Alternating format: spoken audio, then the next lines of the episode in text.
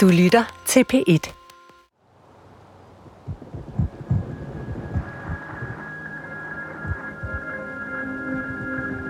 Vagthavne?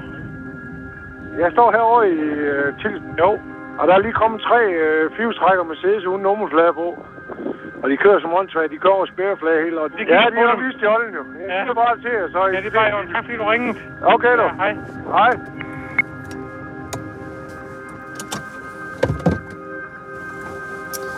Så er jeg ankommet til Vestre Kirkegård. Jakob er på Vestre Kirkegård i Aarhus. Han leder efter Claus' gravsten. Jeg skal lige se det eneste, jeg faktisk har som en ledetråd. Er et billede fra øh, avisen. Hvis du har hørt afsnit 4, så ved du, at da Claus blev begravet, stod der allerede en gravsten klar. Men det var ikke en sten, som familien selv havde skaffet. Jeg har ikke ret meget at gå efter for at finde den her gravsten, men jeg har et billede fra øh, Aarhus Stifttidene, som er taget nede omkring Claus' gravsted. Jeg tror, det eneste, jeg lige kan se, er nogle høje træer, og så nogle græntræer på række. Det er let nok at sige på en kirkegård. Det var der mange af. Hvis du ikke har hørt afsnit 4, eller hvis du slet ikke har hørt nogen af de foregående afsnit, så skal du stoppe nu og gøre det.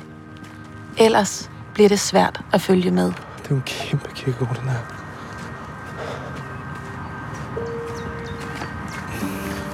Nu er jeg den anden ende. Jeg tror jeg sgu fandme, jeg kan se den. Hold nu kæft. Du lytter til femte afsnit af podcastserien Skud i sneen. En podcastserie om 45-90 sekunder omkring klokken 2 om natten den 29. december 2001 i Tilst ved Aarhus. En podcastserie om to skud, der dræber to biltyve. I det her afsnit forsøger vi at komme endnu tættere på, hvad biltyvene skulle i Anelystparken den nat. Skulle de bare køre ræs i sneen i de store biler? Eller havde de andre planer den nat? Det er den. Hvor organiseret var de? Claus Nielsen. A true fighter. Død den 29. Og, øh, og oppe i hjørnet er der et Hells Angels MC Aarhus logo. Med det her øh, med røde flammer. Hernede ligger han. Så fandt jeg den.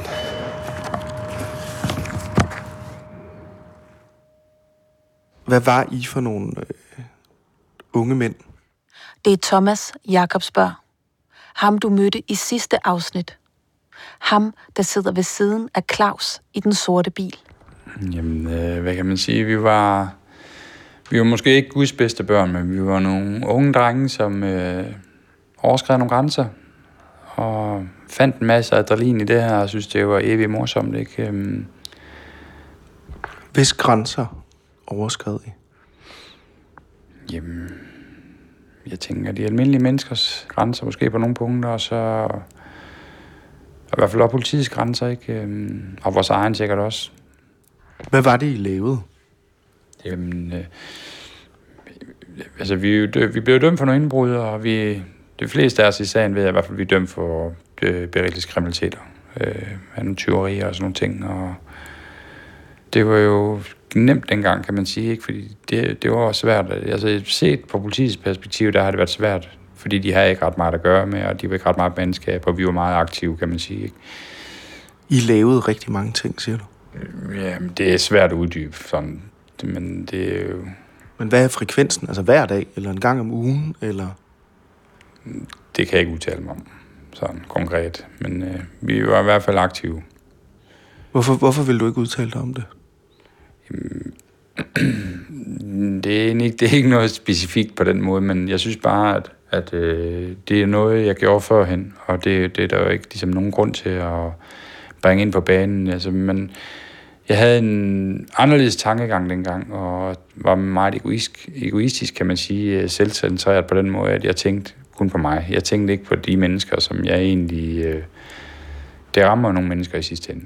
Øh, og de mennesker er selvfølgelig ikke interesseret i at ramme, og det er jo også derfor, jeg ikke er, går ned i konkrete ting. Mm, på mange punkter har jeg i hvert fald ændret mig med hensyn til de her ting. Øhm, men det, det er svært at formulere lige præcis det spørgsmål, du stiller mig der, fordi det, er jo, det går jo lidt tæt også. Øhm, fordi det er jo... Ja, det er jo ens fortid, og det, er sådan, det må man jo erkende, det er sådan, det er. Øhm, Skammer du dig over den? Ja, nogle tingene gør jeg, og nogle ting gør jeg selvfølgelig ikke. Altså, øh, jeg kan ikke gå ned i nogle konkrete eksempler, men der er nogle ting, man ikke er, man ikke er hvad skal man sige, særlig stolt af. Vi havde jo et tæt samme, samme, sammenhold, sådan, som, så drenge imellem, kan man sige. Ikke? Og det er lidt ligesom, hvis du er på et fodboldhold. Øhm, man spiller fodbold, og der er nogen, der har de forskellige roller på fodboldholdet. Og øhm, hvis man så har et rigtig godt hold, jamen så samarbejder man rigtig godt. Og det havde vi jo, kan man sige, på mange punkter. Ikke? Øhm. Hvem havde hvilke roller på det hold? Jeg ved det ikke rigtig sådan. Vi havde jo forskellige, altså det, det, det, det kan jeg ikke rigtig udtale mig om, sådan uddyb. Øh, også igen, jeg vil ikke sidde og tale, eller sidde og udstille andre. Øh, det eneste, jeg kan, det er at tale personligt for, for mit eget vedkommende. Ikke? Men var du ham, der kunne åbne bilerne? Det var jeg i hvert fald. Øhm, altså, hvordan stjæler man en firehjulstrækker? Man kan brække døren op med en skruetrækker, det er to få sekunder, og så ind og pille plastikket af, og sætte rørtangen på låsestammen, og så pille den af, og så starte op med skruetrækkeren. Og så havde du ligesom en rette nøgle i skruetrækkeren, ikke? Og så var det bare ud over stepperne. Fire af de unge mænd bliver senere dømt for tyveri af de store fjævelstrækkere, de kører rundt i. Og hvad angår Claus, så fortæller flere kilder, at det ikke kun er på hans gravsten, at der er et HA-logo. Han skulle være blevet begravet iført en vest med HA-logo på ryggen. En vest, han havde efterstræbt længe, men som han først blev tildelt, efter han døde. På politiets radiokommunikation kan vi høre, at bilerne ikke er det eneste politiet mener, biltyvene har forsøgt at stjæle den nat. Det er Bjarne. Ja, hej Bjarne. Det er jo noget af et større område herude. Ja. Og fuldstændig kværnet op øh, i sne og skidt og lort. Ja. Så det er nok begrænset for mig med altså stille området, hvor meget jeg kan godt til det her nu. Ja. En betjent inde på politigården og ringer til ham, der har overblikket ude i Aneløstparken. Øhm, den ene ligger stadigvæk herude. Ja. Nede for enden. Jeg ved ikke, om du er klar over, hvordan området det ser ud, men nede for enden af den vej, der har de været i gang med nogle, hvad hedder det, gummigeder og sådan noget. Ja. Og der holder de her tre biler åbenbart nede, da hundeføren kommer ud. Ja. Og det er åbenbart hernede, der sker det, at øh, hundeføren bliver påkørt af i hvert fald to af bilerne. Ja. Og øh, at der så bliver skudt. Ja. Biltyvene har altså været i gang med en gummiged nede i den ende af Anelystparken, hvor det hele udspiller sig. Og lidt længere oppe af vejen ligger der faktisk et pengetransportfirma. Øh, det er altså ikke ret frygtelig langt. Nu har der lige været sådan en pengetransportbil her. Du er i over til firmaet derovre. Ja. Ja, det er jo det er jo ikke helt utænkt, at de måske har været rimelig interesseret i, i den bygning derovre. Nej, og så skal bruge en gummiged til at åbne øh, den. Ja. Ja. Men øh, ja, det er bare lige have det i baghovedet, fordi Ja, ja. Det, det er i hvert fald ikke det ligger, det ligger sgu tæt på, det må Ja. jeg sige. Det gør så. Den tredje bil, den er så nået at smutte herfra, altså den smutter herfra og bliver eftersat, Ja. og bliver mistet, og så bliver den så formentlig fundet øh, senere hen derude i Norring, hvor det er så formentlig Peter, der bliver anholdt derude, ikke?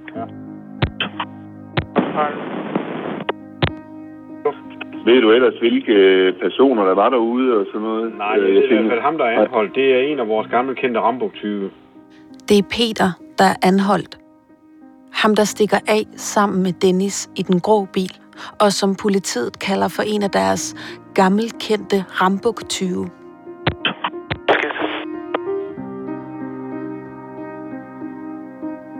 Gummiged, pengetransportfirma og rambuk-tyv.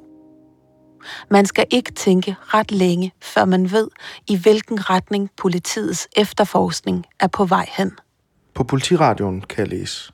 Ja. Der siger de meget hurtigt, at det er nogle af vores rambuk-tyve. Ja. Hvorfor siger politiet det?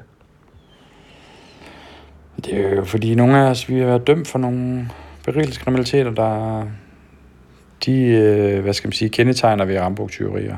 Øhm, men øh, altså det, jeg er i hvert fald ikke dømt, skal jeg tale ud fra personligt, jeg er ikke dømt for det, de kalder rambuk, det der med at bakke ting ind i, ind i et firma eller forretning for at tage et vis antal. Så jeg er dømt for ganske normal beritisk kriminalitet, som har brækket en dør op. Øh, det, de bruger rambuktyveri, det er, det er kategorien af folk, der stjæler lidt hurtigere biler end andre, nogle hurtige biler, og kører væk fra dem. Øh, så jeg ved ikke helt, hvor de har fat i den der rambuk 20, men... Men, men hvis I står og roder i en gravkode eller en gummigede dernede, er det så ikke nærliggende at tro, at den kunne være blevet brugt til et rambuk-tyveri? Jo, selvfølgelig er det det. Øh, øh, altså, men, jo, men det, det, det kan jeg da godt se øh, øh, tanken, tankemæssigt på. Thomas kan altså godt se, hvorfor politiet har de tanker, de har. Men samtidig så understreger han, at det ikke var derfor, de var i Aneløstparken. Vi er ude, og vi kører rundt og laver fis og ballade i sneen. Der har faldet en masse sne, og det synes vi er sjovt at komme ud og køre i de her fjolstrækker. Det er sjovt at køre i sneen. Det er Thomas ikke den eneste, der siger. Det er snevejr, det er sjovt at køre, og de fjolstrækker, altså. Vi unge knejder, det hele, det er bare en, en leg. Det er Dennis. Ham, der sidder på passagersædet i den grønne bil. Afhøringsrapport. Også i afhøringsrapporterne af Dennis, Peter og Thomas går det igen. Man lå og kørte rundt for sjov, i det vejret var særdeles velegnet til leg med fjolstrækkere. Afhørte kunne ikke umiddelbart erindre, hvorfor man ønskede at starte gummigeden, men formentlig for at lege med den også.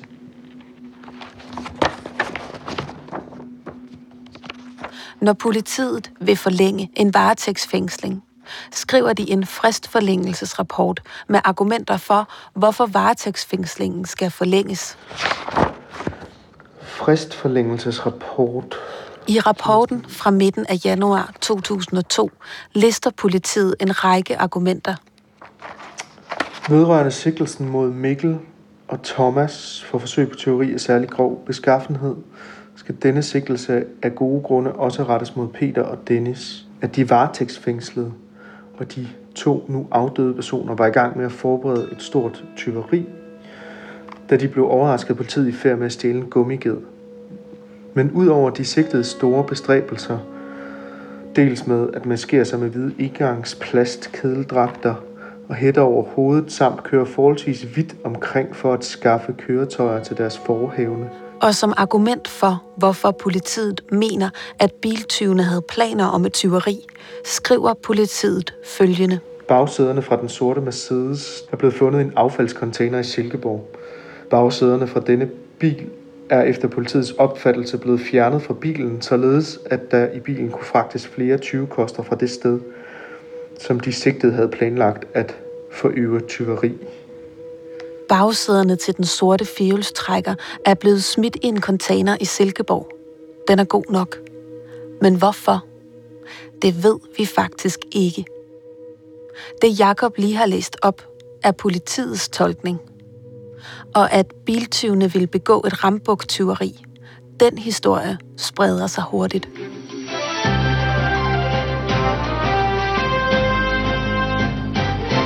Skuddrama i Aarhus i nat. Nu skal det undersøges, hvorfor politiet trak pistoler og dræbte en Hells Angels rocker.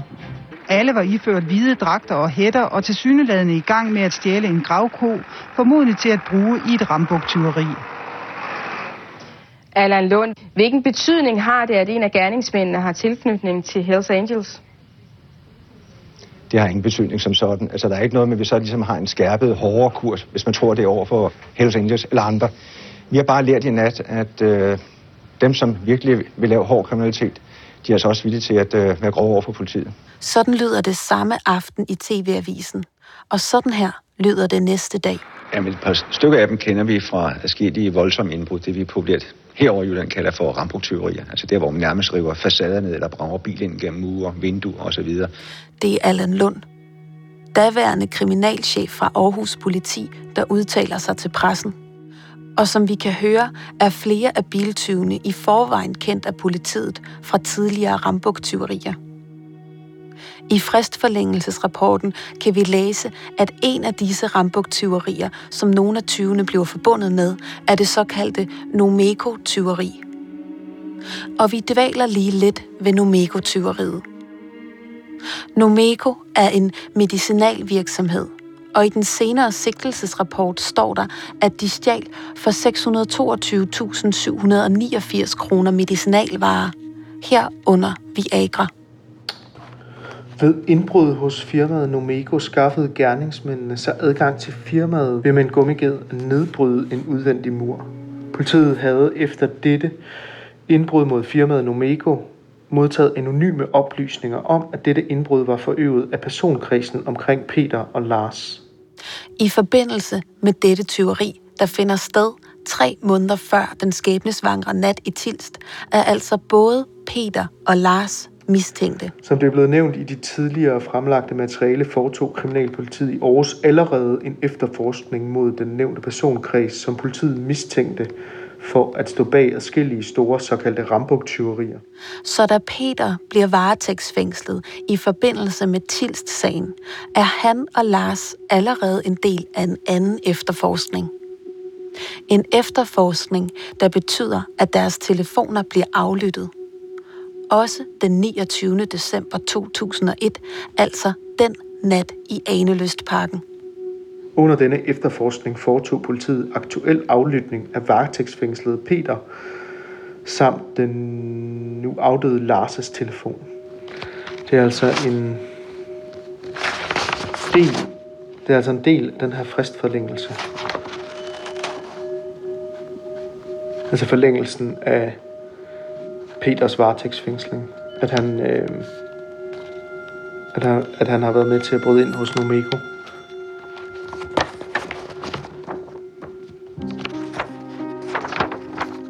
Ifølge den samme anonyme henvendelse til politiet skulle bilhandler Paul fra Silkeborg have købt alle de stjålne Viagra-piller for en pris af 200.000 kroner. Politiets mistanke er altså ikke grebet helt ud af den blå luft. Peter og Lars er mistænkte for at have udført et rambuktyveri til en værdi af mange hundredtusinde kroner. Claus er forbundet med HA på det her tidspunkt. Det er ligesom mejslet ind i hans gravsten. I dag er Peter, en af de andre biltyve, medlem af HA. Det var ham, Jakob forsøgte at få i snak i afsnit 3. Så uden at træde nogen over tæerne, kan vi nok godt konstatere, at biltyvene som gruppe kan betragtes som at være i forbindelse med HA, der på trods af at være en motorcykelklub, også er kendt for at have betydelige kriminelle aktiviteter.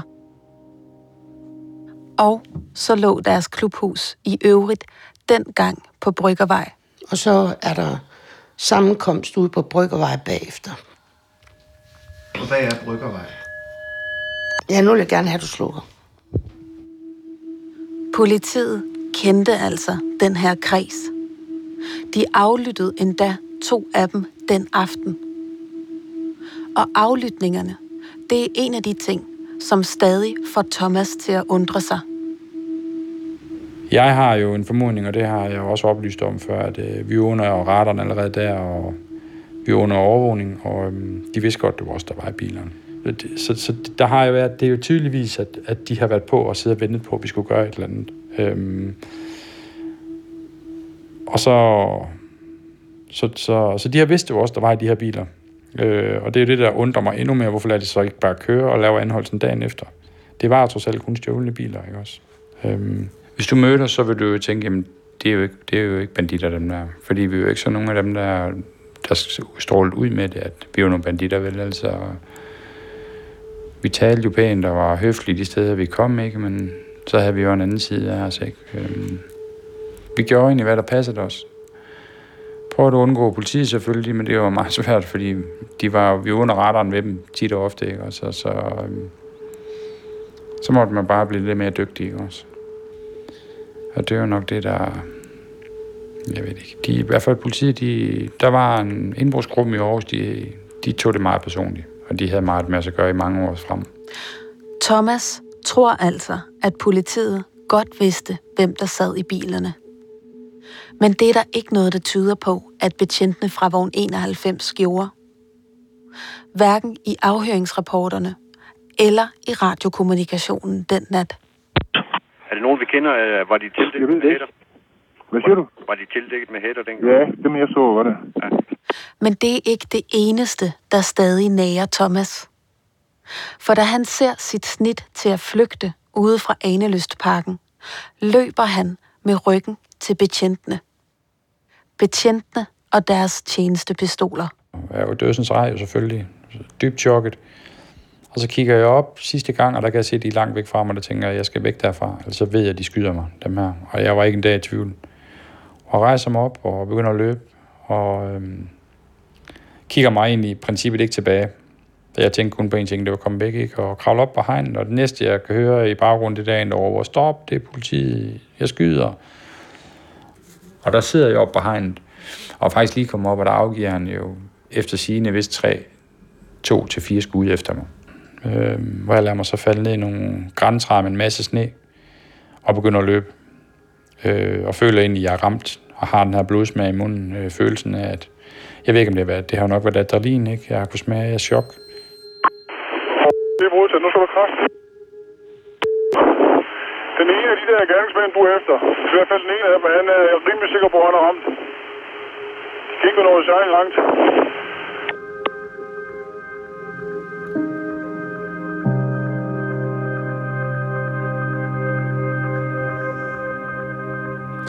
Du har nu hørt femte afsnit af podcastserien Skud i sneen fra P1 Dokumentar.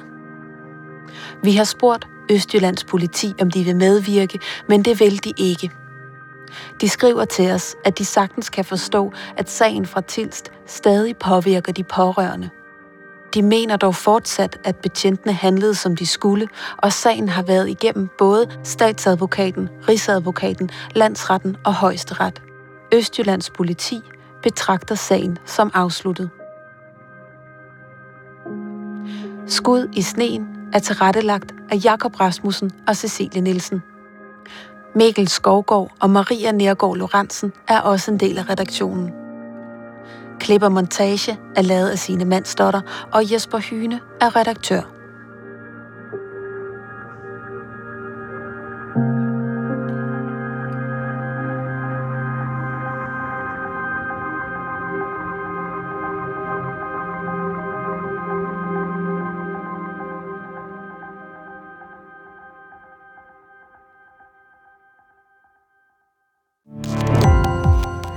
Gå på opdagelse i alle DR's podcast og radioprogrammer. I appen DR Lyd.